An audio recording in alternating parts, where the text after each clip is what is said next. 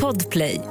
Live från Studio 1, det här är The Daily Messiah, ditt nyhetsflöde med mig, Messiah Hallberg. Klara Doktorow. John Wilander Lambrell. Det börjar bli lite obehagligt nu det här med, med hamsten. Jag berättade ju för er att eh, min son fick en, en, en hamster, en sibirisk dvärghamster i tioårspresent. Och jag hade ju en hamster själv då för 15 år sedan som jag var iväg och tävlade med och som jag uppfostrade och sådär. Och den dog ju sen då strax efter att min nuvarande fru kom in i bilden och min fru Ja. påstod att hon hade ingenting med det att göra.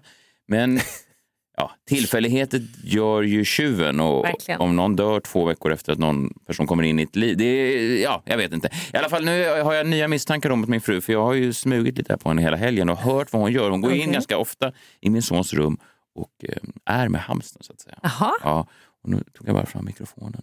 Så bara spelade jag in ljudet av något ganska obehagligt som, som skedde då när min fru var ensam med hamstern. Vi kan lyssna så här lät det då i, i lördags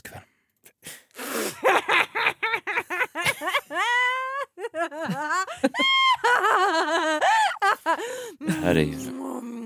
Va? Ja, det där är ju... Jag vet inte riktigt Vad vad man är ska det som säga. Ja, pågår? verkligen. Det här är Kristina inne i Ja, sons rum ja, verkligen med lilla Wow. wow. herr Muffin. Jag är, Nej, och jag är djupt herr Muffin, du måste rädda herr Muffin från det här. Han, han har många år kvar. Han bör inte dö nu. Nej, inte om min fru får som hon vill.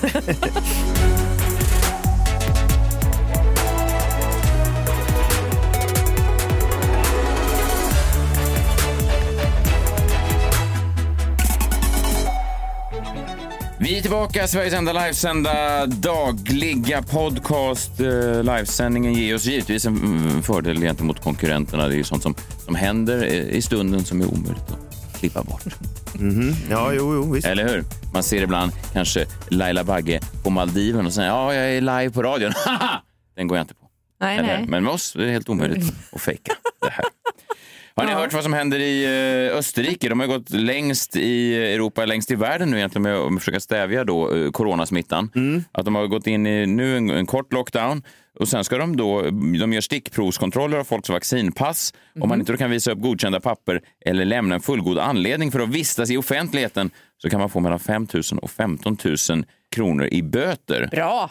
Ja, men Vadå? det osar 40-tal i kanske Österrike men i Tyskland. Vadå? vad, vad menar du? det? Att det är som judeförföljelse? Papers please. Ja. Papers Ja, men, please. ja, men bara, bara, bara, Ja, men ändå samtidigt så måste vi säga så här, det är ju en hel värld som står och väntar på att få komma igång igen. Det är jättemånga som i stort sett har drabbats av näringsförbud. Ska vi gå in i några nya lockdowns istället? Då? Nej, jag Liksom, vet. de Det ska få är, det är vara- så jäkla svårt. Nej, men jag personligen är ju för covidpass eftersom jag är vaccinerad. Men det skaver ju lite grann, tycker Ja, jag. det kanske Tycker du att det gör det? Jag tycker det skaver. Nej, jag tycker inte att det gör det. Nej, men de ska ju då eventuellt gå ännu hårdare efter jul här och då kräva vaccinkrav, alltså obligatorisk vaccinering av folk. Alltså att de ska komma och sticka Österrike. spru i Österrike. Österrike gör det igen så att säga. Ja, det Går är lite ett längre. Vad sa du? Det där är ett övergrepp. Ja, det så där drar du en gräns. Där Om någon- drar jag min gräns. Om någon sträcker en, en spruta i dig, Ja, nej. Då, då säger du nej. Nej tack. Så alla kommer vara vaccinerade då i Österrike förutom döttrar som sitter inlåsta i källare. Förutom, De kommer ut och bara, jag, är jag klarade det. Jag slapp sprutan. Men de slipper ju smittspridning också. Ja, det är sant. Ja, de, de har haft mycket skit, men just det, just sprut, Just sprutorna slipper de. det är jävla skönt. Ja. Eh, vi har inte tagit upp sport så mycket i Daily Messiah. Jag tänkte att vi kunde göra det lite snabbt. Eh, Ole Gunnar Solskär fick sparken igår från Manchester United. Denna norska man med världens gulligaste uppsyn. Han ser inte ut som att han är gjord för den eh, världen av proffsfotboll. Och, Nej, han ser alltså- ut som en hamster. Ja, ja, det gör han verkligen. Han, hamster. om man skulle sätta honom bredvid min hamster herr Muffin så skulle man säga, vem är nu? Så skulle Kristina döda honom. Bara misstag. Solskär är död. Vad fan, jag tog fel. Ja, Han ser ut som att han släpps ut ur en bur precis innan match, matchstart. Han har sprungit i det där hjulet och bara kommer ut på planen. Vad fan. Ja. Som att han får morotsflingor efter varje vinst. Ja, nu var det inte så många vinster. Ja. Nej, Eh, det var det inte. En annan grej som hände i helgen som jag tyckte var lite uppfräschande. Jag såg, eh, satt i Halmstad eh, backstage på teatern där och så såg jag Liverpool-Arsenal. Och då blev det lite kurva mellan eh, två tränarna. Vi kan lyssna på hur det lät här mellan Liverpool och Arsenal i eh, lördags kväll. Klopp och Arteta rasar på varandra där nere nu. Får vi bilder på det också. Arteta och Klopp tuppar upp sig ordentligt. Fortsätter göra det med. Ja, men Arteta har varit uppe på varenda gång det har varit en situation här på eh, Arsenals planhalva. Blåst, det var två gånger på Lacazette, sen blåste han ändå senare i den situationen. Och jag har aldrig sett Arteta så vild där nere på... eh, Arteta och eh, Klopp, det blev då eh, nästan slagsmål bland tränarna. Ja, det var oerhört uppfriskande. Ja. Det var liksom som ett slag från det gamla Premier League där liksom Alex Ferguson, Wenger, Mourinho i princip flög på varandra så här varje match. Och det har inte varit så mycket sånt de senaste åren. tänkte bara ta upp en, en grej snabbt då som är liksom, för att direkt när sånt här händer så måste ju då kommentatorer över hela världen, kanske speciellt svenska kommentatorer, ta avstånd direkt. Ja. Alltså de måste nästan, det här är ju riktigt, riktigt sorgligt att se. Det här är ju en skam för hela sporten. Det Vill här... alla göteborgare? Ja, men ofta är de De är ju alltid det. De är ju det. Det här är inget man vill se på en fotbollsplan. Oj, oj, oj, vad man skäms för att vara fan nu. Det här... Och jag tror att de känner sig tvungna att säga så här för att man vill då visa ungdomar som håller på med sport att idrott och våld hör inte ihop och sånt där. Nej. Samtidigt då, hmm. En annan vinkel av det där är ju att man minns ju sånt här ofta långt mycket mer än idrottsligt. Alltså en, en 1-1 match mellan två lag som är duellspelat minns man ju inte. En match där det det blir liksom så att säga en fight. Ja. Mm, Det är ju uppfriskande. Ja, men oerhört uppfriskande. Alltså, det är ju det, det förstå, alltså, och matchen blev ju också mycket bättre direkt efter det här. Det blev en Ja. helt annan liksom, energi i arenan. Det är, det, här, Ja. det, det är sånt där det ska vara. Mm, ja, det ska ju inte vara det va? Nej, men det är bara göteborgare som tycker det. Oj, oj, oj, Att allt ska oj. bara vara gott och glatt. Ja. men vad fan, jag tycker, förlåt, men jag tycker att vi lägger alldeles för mycket pengar, skattepengar på huliganvåld. Huliganvåld, ja. Ja, och men vad det här... tror du det börjar någonstans? Jo, men om de inte ens kan hålla sams på planen, vad fan ska huliganerna göra det? Mm, Ja, fast jag är stark motstånd till huliganvåld och alla såna här jävla... Nå, jag förstår det, men jag tycker de kan man inte bara begränsa det till de aktiva idrottsutövarna. De är ändå någon slags vår tids gladiatorer. Det var, det var, tror du att så Glenn Strömberg satt på läktaren på Colosseum och var oj, oj, oj, det här hör inte hemma i gladiatorspelen. Va? Låt dem få leva. Det finns regler för lejon och människor i dessa tävlingar. Ja. Ja. Eh, nej, men då tänkte jag i alla fall, eftersom jag, den här är en lista som jag då tar avstånd ifrån. Eh, men det är de fyra mest uppfriskande matcherna som jag någonsin har sett och de som, fyra matcher som då svenska idrottsexperter har tvingats ta avstånd ifrån de mest förbjudna matcherna som har spelats, som jag eh, minns. Vi börjar 28 juni år 2000. Det är EM 2000, det är semifinal, det är Frankrike mot Portugal. Det är väldigt spännande. Frankrike är favoriter med Zidane.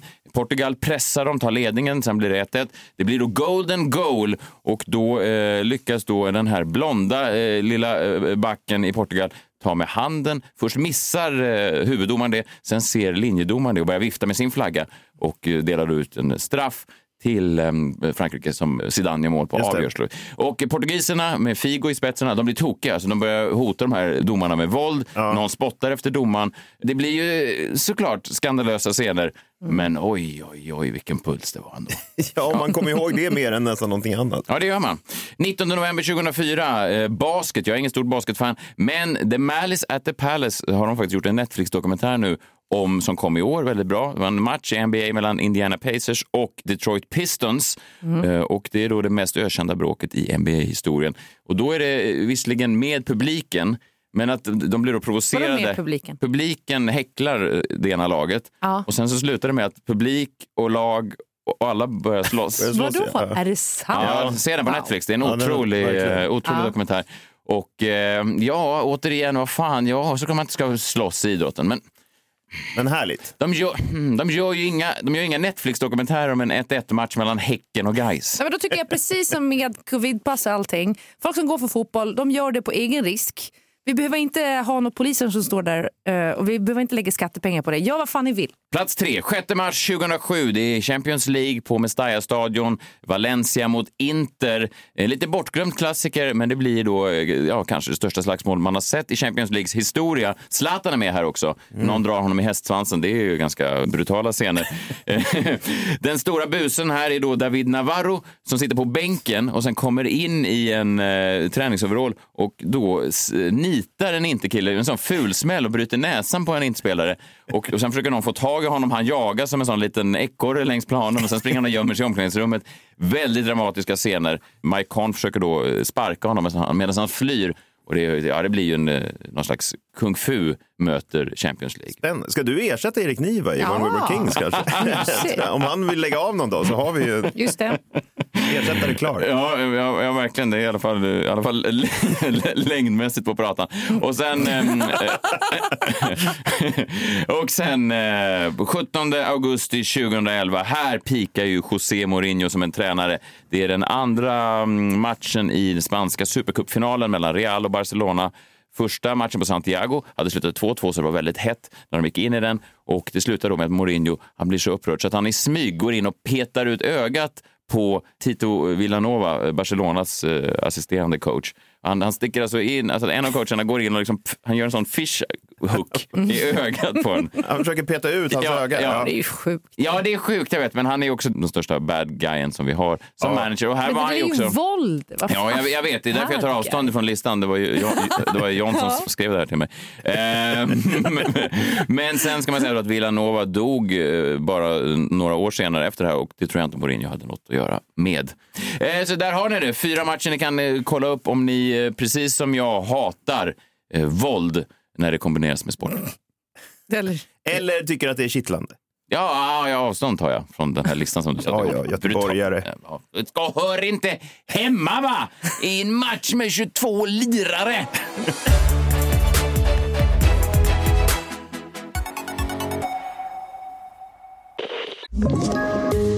Poddtips från Podplay. I podden Något Kaiko garanterar östgötarna Brutti och jag, Davva, dig en stor dos skratt. Där följer jag pladask för köttätandet igen. Man är lite som en jävla vampyr. Man har fått lite blodsmak och då måste man ha mer. Udda spaningar, fängslande anekdoter och en och annan arg rant. Jag måste ha mitt kaffe på morgonen för annars är jag ingen trevlig människa. Då är du ingen trevlig människa, punkt. Något Kaiko, hör du på Podplay. Därför är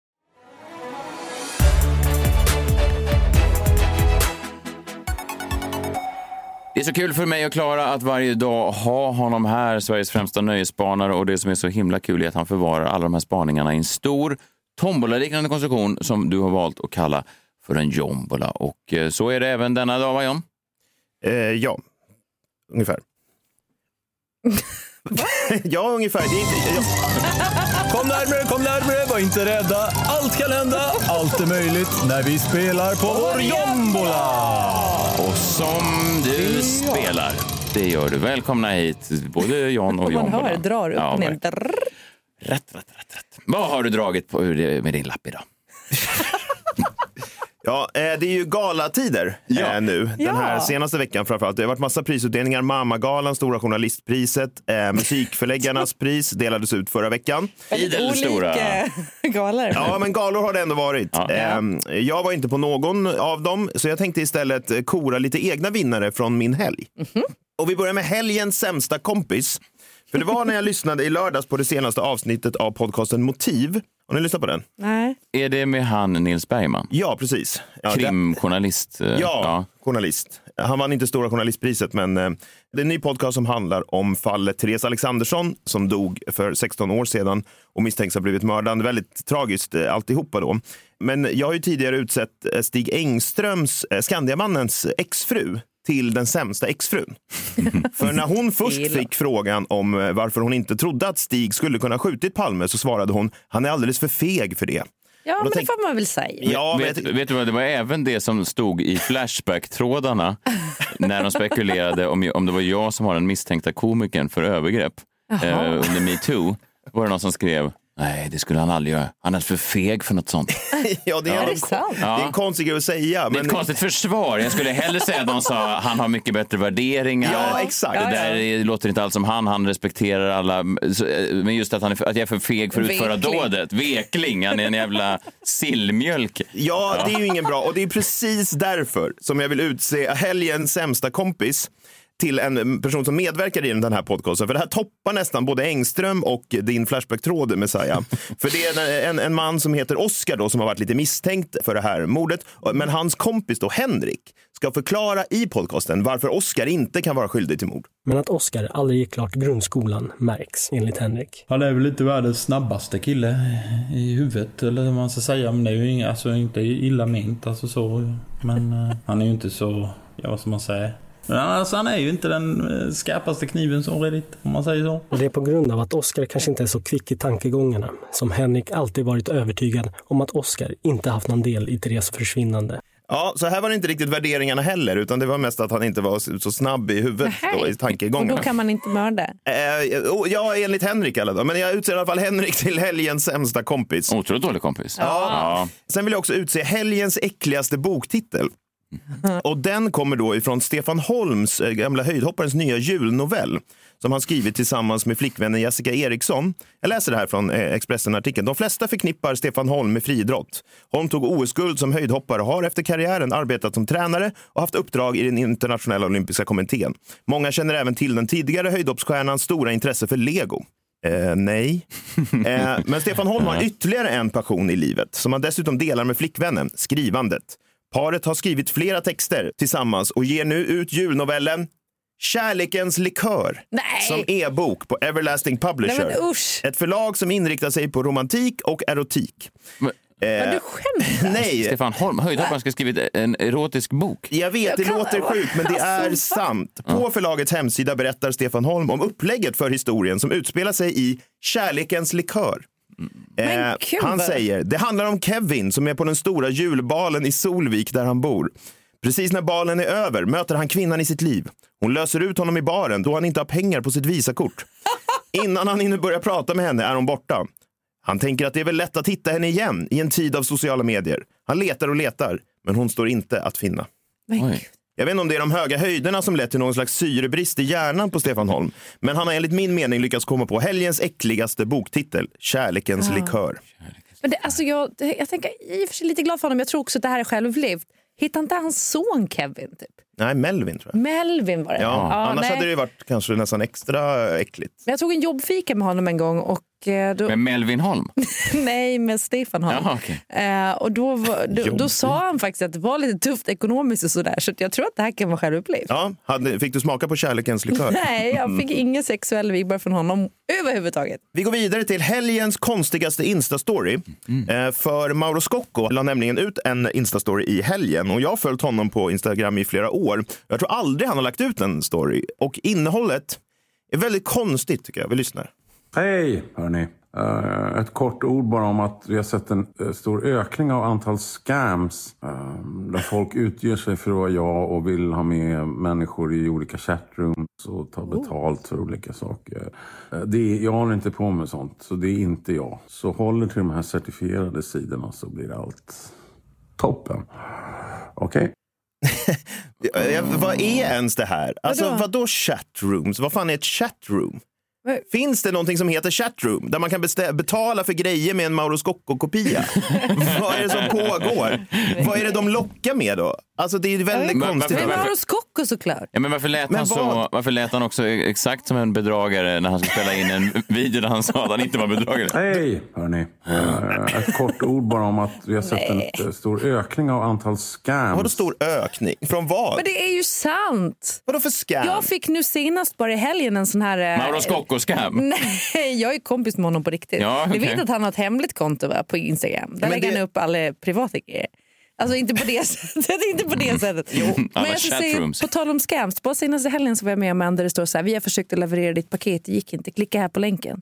Det är ju en scam. Ja, det är en scam. Jag har inte men, men beställt det, en var inte, det, var ju, det är ju phishing. Det här är ju någonting alltså, vad, Först och främst, vad är ett chatroom? Ja, men det är Men väl en, det det ett chattrum? men det är så Inte här det? 90-talet, Ja. AOLs chattrum. Ja, men- men- Men det kanske är Onlyfans-grej eller vad fan som helst. Jo, men det är någonting konstigt som pågår. Var- Och vem betalar för grejer Mauro Scocco? Det är väldigt konstigt. Vadå, att han ska, det är någon sexgrej då? Det vet vi inte. Ja, jag- vi får väl- fråga honom. Jag ska Ja. fråga honom. Ja, det är helgens konstigaste Insta-story i alla fall. Grattis, Mauro. Ja. Grattis. Det blev inte musikförläggarnas pris, men det blev det här. Till sist så vill jag utse helgens obehagligaste servitris. För jag var nämligen på en, en ny restaurang här i helgen eh, och det var bra service eh, hela tiden tills en servitris skulle fråga mig om maten smakade bra. Och då brukar man fråga, smakade det bra? Eller så här, ganska vanlig eh, fråga. Ja, det är det. Ja, och jag hade då precis avslutat min örtbakade rotselleri när hon Men lutade... fan vad tråkigt. Är No. det det man får när man är vegetarian? Ja, när hon lutade sig över bordet, tog min tallrik och sa var det gottis? Som att du var en hamster. Ja, exakt. Ser jag ut som en hamster? Ser jag ut som Solskär? Alltså, du är inte helt... Jag förstår har om Solskär... Jo, okej, Ni men- ser ut lite som att ni skulle kunna vara bröder ni tre. Jag förstår om, om vad heter det, någon journalist skulle fråga Solskär det. Men det var, jag utser i alla fall henne till helgens obehagligaste servitris när hon frågade mig, var det gottis? Där har ni helgens vinnare.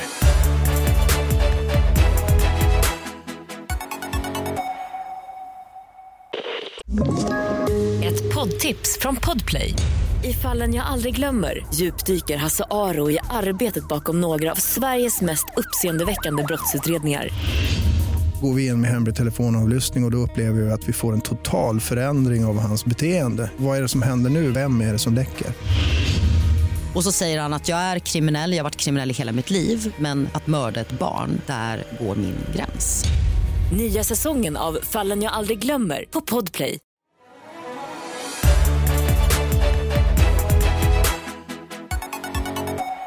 Det finns ju någonting eh, roligt i att vi eh, ibland här då eh, gör oss ovän med, folk. Vi gjorde oss ovän med Volkswagen. Sen då veckan efter så har då Volkswagen en massa reklamspottar i den här podden. Vi gör oss ovän då med den här Netflix-serien Den osannolika mördaren. Sen veckan efter så är det för fan det enda som går i den här podden är då spottar för Ja, just den osannolika mördaren. Så det är väl ett konstigt sätt att bygga relationer, men det är väl så vi gör.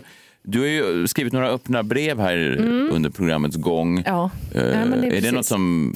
Jag ser att det är måndag, jag vet inte, har du, idag har du inget. Det är klart att jag har ett Du har skrivit- brev. du har- Ja, det har jag. Nej, men det är så här va, jag var på 50-årsfest i helgen. Det är sjukt att jag är med en man som har kompisar som fyller 50. Men det är jag i alla fall. Och efter två timmar så, eh, sittandes på en stol så eh, tror jag att jag ska avlida för att jag har så jävla ont i ruven. Alltså det, jag vet inte om det är så att jag kanske har för lång svanskote. Du vet på Gotland man är inavlad och sådär. Ja, ja, okej. Eh, men nu när jag är gravid så sjukt ont i ryggen. Det är som tortyr. Så jag tänker att jag går och sätter mig i den där fåtöljen i hörnet av rummet. Mhm. Och där sitter jag sen hela kvällen. När folk sitter vid långbord och så här, står och dansar. Och så sitter jag i min lilla fåtölj i hörnet. Är det en eh, extra mjuk eh, kudduppsättning för din rumpa? I? Ja, men den Ja. var ju så mjuk och Ja, skön och förstår. sådär. Så, och det här fick mig att tänka på kungligheterna. Vet du det? För att de, just med röv. De har problem med röven.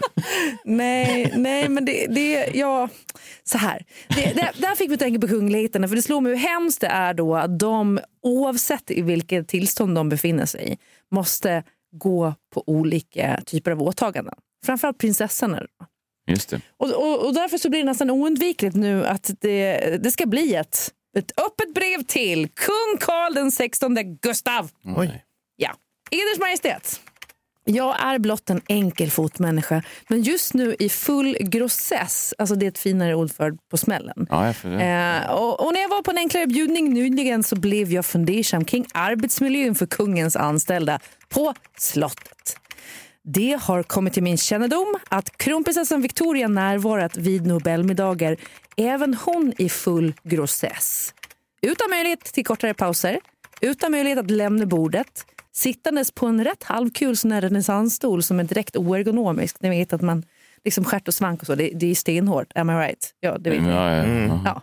Eh, I serien Kungliga smycken på SVT så vittnar även drottning Silvia om tiaror och tunga som spädbarn som lämnade varför- henne med blödande sår i huvudet. Varför har, hur vet hon hur tunga spädbarn är? Och varför har hon spädbarn på huvudet? Nej, Men hon har tiaror, tunga som sp- spädbarn. Till och med så säger hon då citat, bland annat kronan borrade in sig i mitt huvud men det fanns inget jag kunde göra. Man får inte lämna Nobelmiddagen. Ja. Det låter ju hemskt. Och sen så har jag fått då från anonyma källor veta att eh, prinsessan Madeleine helt enkelt då var öppen närmare tre centimeter och i stort sett förlyste prins Nicholas under bröllopsmiddagen efter då Carl Philip och Sofias bröllop 2015. Hon sitter där och är i stort sett, alltså så bebisen är på väg ut. Jag, jag, tycker, jag, jag förstår, jag tycker alltid det här med, med när man får måttenheterna eh, på öppenheten. På, ja, men du vet, tre centimeter, Jo, vet, centimeter. centimeter, då är det fullt öppet. Då är det, då är det liksom någon slags eh, riktig motorväg jag, tror, ut. jag tror aldrig jag har sett en eh, vagina som har varit 10 centimeter upp. Då har du inte levat. Men Du har för fan fått två barn, hur kan du ha missat det här? Ja, men vi föder inte vaginalt i min familj. Nej, okej. Vi tar dem via halsen. Är det också någon tysk grej? Mm. Jättemärkligt. Ja, i alla fall. Min fråga till Eders Majestät kung Carl XVI Gustav, statschef och regent över landet Sverige. Hur ser egentligen arbetsmiljön för kvinnor ut inom kungahuset? På Eders Majestäts hemsida kan jag läsa att den som ansvarar för arbetsmiljö är hans excellens riksmarskalk vet inte ens hur man uttalar det, Fredrik Wersäll. Han är försvunnen man och dessutom lite till åren kommen. Ingen jag förväntar mig som kommer att driva den feministiska kampen framåt direkt. Min fördom säger även att personer som slänger sig med titlar som herr excellens faktiskt är sämst på personalfrågor. Kan vara så, ja. Kan mycket vara så. Ja. Jag läser också att antal till, tills vidareanställda eh, inom kungahuset uppgår till 273 personer. 55 procent är kvinnor och 40 procent är män. Därmed kommer vi till lite följdfrågor. 1. Med tanke på fördelningen kvinnor slash män på arbetsplatsen. Hur tänker Eders Majestät kring havandeskap, föräldraledighet, mäns skydd på arbetsplatsen, PMS-relaterad frånvaro och godkänt ledighet för att eventuellt utföra abort? Han har tänkt jättemycket på det. ska- Nej. Två, görs det regelbundna arbetsmiljöronder? Och tre, hur arbetar kungen med så kallad ROK? Det vill säga risk och konsekvensanalys i samband med större tillställningar och främst ur ett kvinnligt perspektiv. Roken bör alltså även omfatta kronjuvelerna, arbetsklädsel och schemalagda pauser för byte av menstruationsskydd etc. Jag ser fram emot att höra från Eders Majestät. Jag vet inte hur man undertecknar ett brev till kungen men jag tänker mig att det är något stil med Fridens liljor, fru Klara, Doktorov. Så att, bara så jag förstår att du var på en fest och fick ont i röven. Och sen och ditt kom det nästa här. steg är att kontakta kungen för att se till att om ni någon gång hamnar på fest tillsammans så ska det finnas sköna kuddar kvinnorna i lokalen. Och eh, kungen ska ha koll på hur många centimeter man är öppnad. Men varför ska det, det finns kvinnor som jobbar nära kungen. Ja. De måste också få ha en okej arbetsmiljö. ja, verkligen. Och slippa rövont. Verkligen. Ja, det är väl det minsta man kan begära. av. Gå gärna in på iTunes och rösta på oss. Följ oss där. Allra bäst ljud har ni såklart via podplay.com. Jag vet inte hur de gör det på podplay.com, de jävlarna, men det är någonting med ljudet där borta som får det att blomstra, brukar, brukar du alltid säga John. Men grejen är att på Podplay så får man ju också otroligt mycket bättre spelare tycker jag. Det är inte en massa krångel Nej. som det är på de andra. Nej, det är bra. Inget krångel. Bra, precis. Följ oss gärna på Instagram, det är Daily Messiah, eller mejla oss. Det är alltid kul när ni tar upp olika teorier som vi har haft i programmet. Då är det alltså thedailymessiah@gmail.com. Eh, Ja, men vad fan, är, är ni redo eller?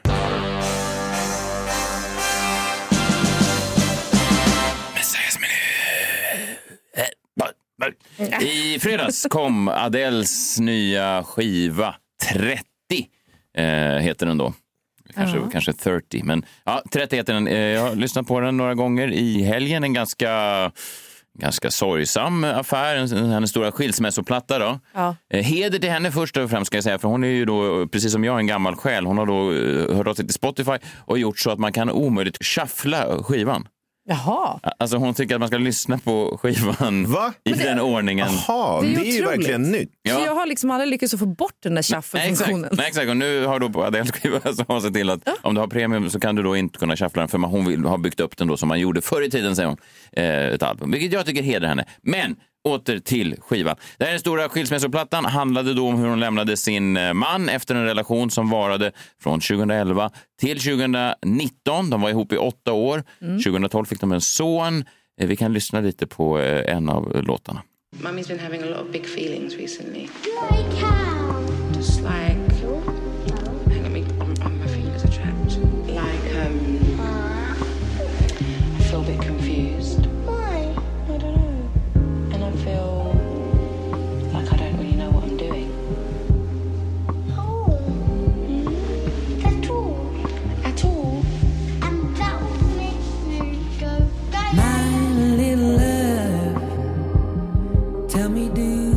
Ja, det här är då Adele som, alltså, som jag tror pratar då med sin egen eh, nioåriga son i låten. Och hon förklarar då att hon är så ledsen att hon har splittrat familjen och allt sånt där. Och, och jag, jag, vet inte, jag, jag tror att det är hennes riktiga son och då kan man ju säga så här, Margot Dietz fick ju mycket skit för att hon använder sina barn i olika... Det här är väl ändå någon slags ny gräns? Som är eller? ett album ja. Ja. Och att man tvingas lyssna på det för man kan inte shuffla låten. Nej, du behöver inte sätta på det till att börja med John. Du vet va? Nej, de, hon kommer inte att tvinga folk att tvångslyssna. Det är inte Österrike. Inte om jag försöker sätta... Vi har två grejer ni måste göra. Ett, eh, spruta armen. Två, lyssna Adele. Det är det enda. Ja, eh, nej, men i alla fall, men det är ganska, ganska starkt. Och hon eh, lämnade då sin före detta man Simon Konecki eh, som var 47 för den sju år yngre Rich Paul. Han är... Heter, heter han Rich Han Paul? heter Rich Paul. Eller Nej. eh, Rich, eh, Nej. smeknamnet? Nej, och om man googlar Rich Paul, Adeles nya kille, så ser han också ut exakt som en kille som heter Rich Paul. Han är då en basketagent, mycket stilig man och man ser nu Adele, den nya, eh, ja, Adele har ju också eh, förändrat sitt utseende ganska mycket. Hon sitter då med sin nya kille eh, på olika basketmatcher och ser ju inte riktigt ut som hon gjorde när hon stod bredvid sin förra, lite mer deppiga man Simon. Och det har man ju förstått om man läser artiklar om Adeles skilsmässa, att hon tröttnade ju helt enkelt på honom för att han var för tråkig, den här Ah, äldre mannen. okej. Det fanns liksom ingen passion kvar och då lämnade hon honom. Och sättet då som Adele separerade fick mig att tänka på eh, nyutgåvan eller den nya serien då av Scener ur ett äktenskap. Har ni sett den på HBO? Ja, Den amerikanska. Eh, Jag älskar ju originalet. Ja, originalet kom 73 då med Liv Ullmann och Erland Josefsson. Och då var det ju han som var otrogen. Han hade skaffat en älskarinna. Han ville bryta upp för han tyckte att livet var tråkigt och hon stod och grät och bad honom stanna. Eh, Det de har gjort då i den nya HBO-versionen är att mannen är den traditionella kvinnan. Han är hemmapappan. Eh, Hon har varit ute på affärsresor. Hon har knullat runt. Hon har, det är hon som vill Mm. separera. Härligt. Eh, Ja, så att de har ju då vänt på könsbegreppen eller om man säger de stereotypa könsrollerna. Vi kan lyssna här på en scen. Och den här serien, Scener ur äktenskap på HBO, är nästan omöjlig att se. Jag försökte se den här med min fru. Det är nästan omöjligt att inte, så att säga, vilja ha en skilsmässa. Alltså, den är, den är, jag rekommenderar den inte till något par. Nej. För att den är väldigt bra och välskriven och den tar upp allt det där som man känner när man är i en lång relation. Att så här, ja men såklart att det är lite tråkigt. Alltså det är väl det som det är att vara i en lång relation. Jag kallade min man för råtta senast igår. Ja, det är också ett sätt att spice upp saker. Ja. Det är inte tråkigt i alla fall. Här är en scen då när eh, frun ligger i sängen och han har då bett om, han säger så här, men varför, varför vill du lämna mig? Varför vill du lämna mig? Hon säger, vill du verkligen höra det här? Och sen så sätter hon igång och berättar. I had a crazy thought the other night where I just I thought of checking my own pulse to see if I was still alive. Can you understand that? Like there's no oxygen, like you can't breathe. Do you under? Yeah, yeah, that I that I can Yeah, understand. well, That's yeah. Of course you can't. So imagine like a constant asthma attack, entire days where you just feel suffocated. And the whole time I'm just thinking, is this it? Is like, is this all I'm gonna have? Just like, how long did you think that we could just like, go on like this? Just living without any What, without what? passion. Uh-huh. Nej, men gud, riktigt så här så mörkt att han ville, alltså, så bara, like what? Så bara, du fattar ju att det kommer något skit. Jo, jo, Han jag- frågar inte. Nej, men det, det, Har du inte redan blivit till... Alltså, ja, vad hemskt. Ja. Nej, men det är hemskt. Han säger så, men tänk på vår dotter. Och, och, och hon, eh, hon har träffat en, en ny, en yngre, en, eh, också någon som är då såklart bättre i sängen och lite mer, mer passionerad och sådär. Och så vill hon då lämna. Och det här är ju då ett tecken i tiden tycker jag, att kvinnor nu också får bete sig som manliga rockstjärnor har gjort i alla Ja. tider. Alltså det är, hur många har inte eh, skrivit eh, skilsmässoalbum eh, genom åren. Män, Ulf Lundell, eh, Mick Jagger, Bruce Springsteen, massa olika. För med just den här andemeningen att ah, det blir, åh gud, jag bröt upp familjen. Jag är så himla ledsen för det. Men eh, ja, pappa ville knulla. Alltså, och då har man ändå, man har ändå eh, köpt det och man har liksom sagt att ja, men det är deras roll. Men nu har vi då kommit eh, 20, 30, 40 år senare och då har vi liksom vänt på det. Nu, nu kan även en kvinna som Adele eh, förändra sitt utseende och eh, skaffa en yngre basket, eh, basketagent till ny tomboy. Som heter Rik. Som heter Rik i förnamn. Och det är, väl, eh, det är väl uppmuntrande på något sätt. Den klassiska skilsmässoplattan som Lundell släppte, den kom 85. Den var ju otroligt naken. Vad är det som händer? Nej, jag skrev till min man igår, jag blev så sur på honom för han härmade mig när jag pratade. Så jag skrev håll dig bort ifrån sovrummet din vidrige råtta. och nu var jag tvungen att skriva förlåt, jag saknar dig och jag tycker du är sexig. Jag fick så jävla dåligt samvete. Råtta är ju... Ja, Vidrig råtta Ja. också. Inte bara en råtta. Ah, fy fan, förlåt, det var inte Ja, nej, meningen. nej, nej, jag bara nej. kände att jag blev lite... Nej, men det här att lämna partner och barn för att det saknas passion och att det har blivit lite tråkigt hemma, det var ju annars väldigt länge en, en manlig sport. En sport av män, eh, för män. Ulf Lundells bästa skiva var ju en sån Den vassa äggen från 85. Eh, det här är då en låt som han skrev då, precis som Adele gör nu, fast han skrev den då för 40 år sedan, inte ett ont ord, där han pratade direkt till sin eh, son Love. Din mor stannar hos dig Men jag måste gå ombord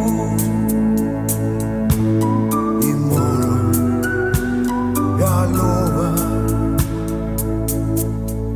Inte ett ont ord Mm. Din mor stannar hos dig, men jag måste gå ombord.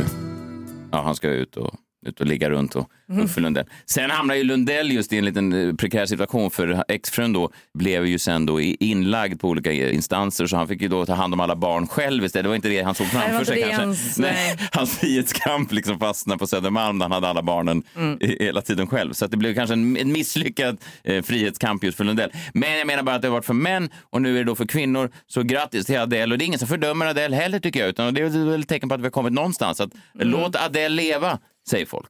Ja, jag fördömer bara att man inte kan byta låt. Det tycker jag Ja, låter men vi är obehagligt. fortfarande inte i Österrike. Du behöver inte sätta på plattan. Nej, men börjar vi ändra mig där lite? Österrike kanske är nå- något på spåret. Men det som, är, det som är intressant med Adele är att hon använder samma sak som de här rockgubbarna gör. Att hon säger så här, jag har verkligen försökt. Alltså jag har verkligen, verkligen försökt. Det här är den mest omtalade eh, låten då, där hon upprepar det här. I've tried, I've really, really tried.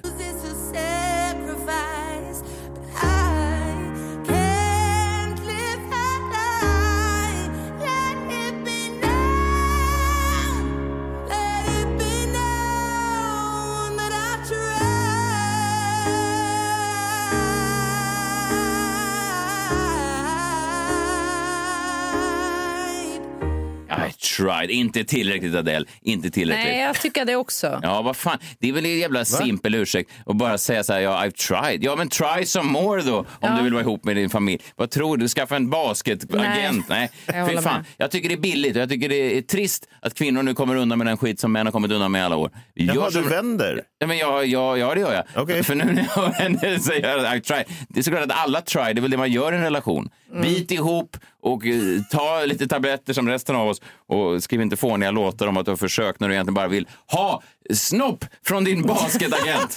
vad heter nu, vad är slogan till din, eh, till din show? Den heter väl någonting sånt där? Ha snopp. Nej, till nej inte snopp. basketagent. Nej, inte med snopp och basketagent. Bit ihop, stå ut. Annars en bra undertitel. Ser du äktenskap få snoppa med en basketagent? Min agent är bara, är du säker på den här undertiteln? För konstig. Ja, jag tycker att den, eh, jag tycker den har något. Vi tackar för att ni varit med oss idag. Det är en ny vecka. Vi är med er måndag till fredag 04.00 och så går vi live.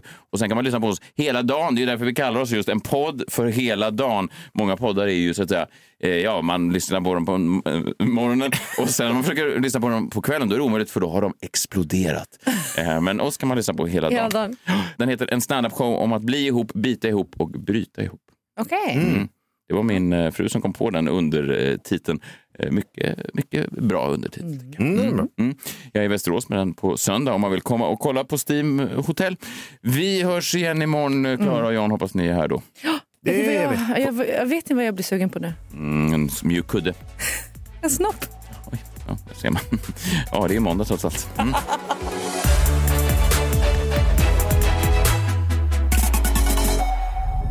Podplay, en del av Ett poddtips från Podplay. I podden Något Kaiko garanterar östgötarna Brutti och jag, Davva, dig en stor dos skratt. Där följer jag pladask för köttätandet igen. Man är lite som en jävla vampyr. Man har fått lite blodsmak och då måste man ha mer. Udda spaningar, fängslande anekdoter och en och annan arg rant. Jag måste ha mitt kaffe på morgonen för annars är jag ingen trevlig människa. Då är du ingen trevlig människa, punkt. Något Kaiko, hör du på Podplay. Därför är gardinerna.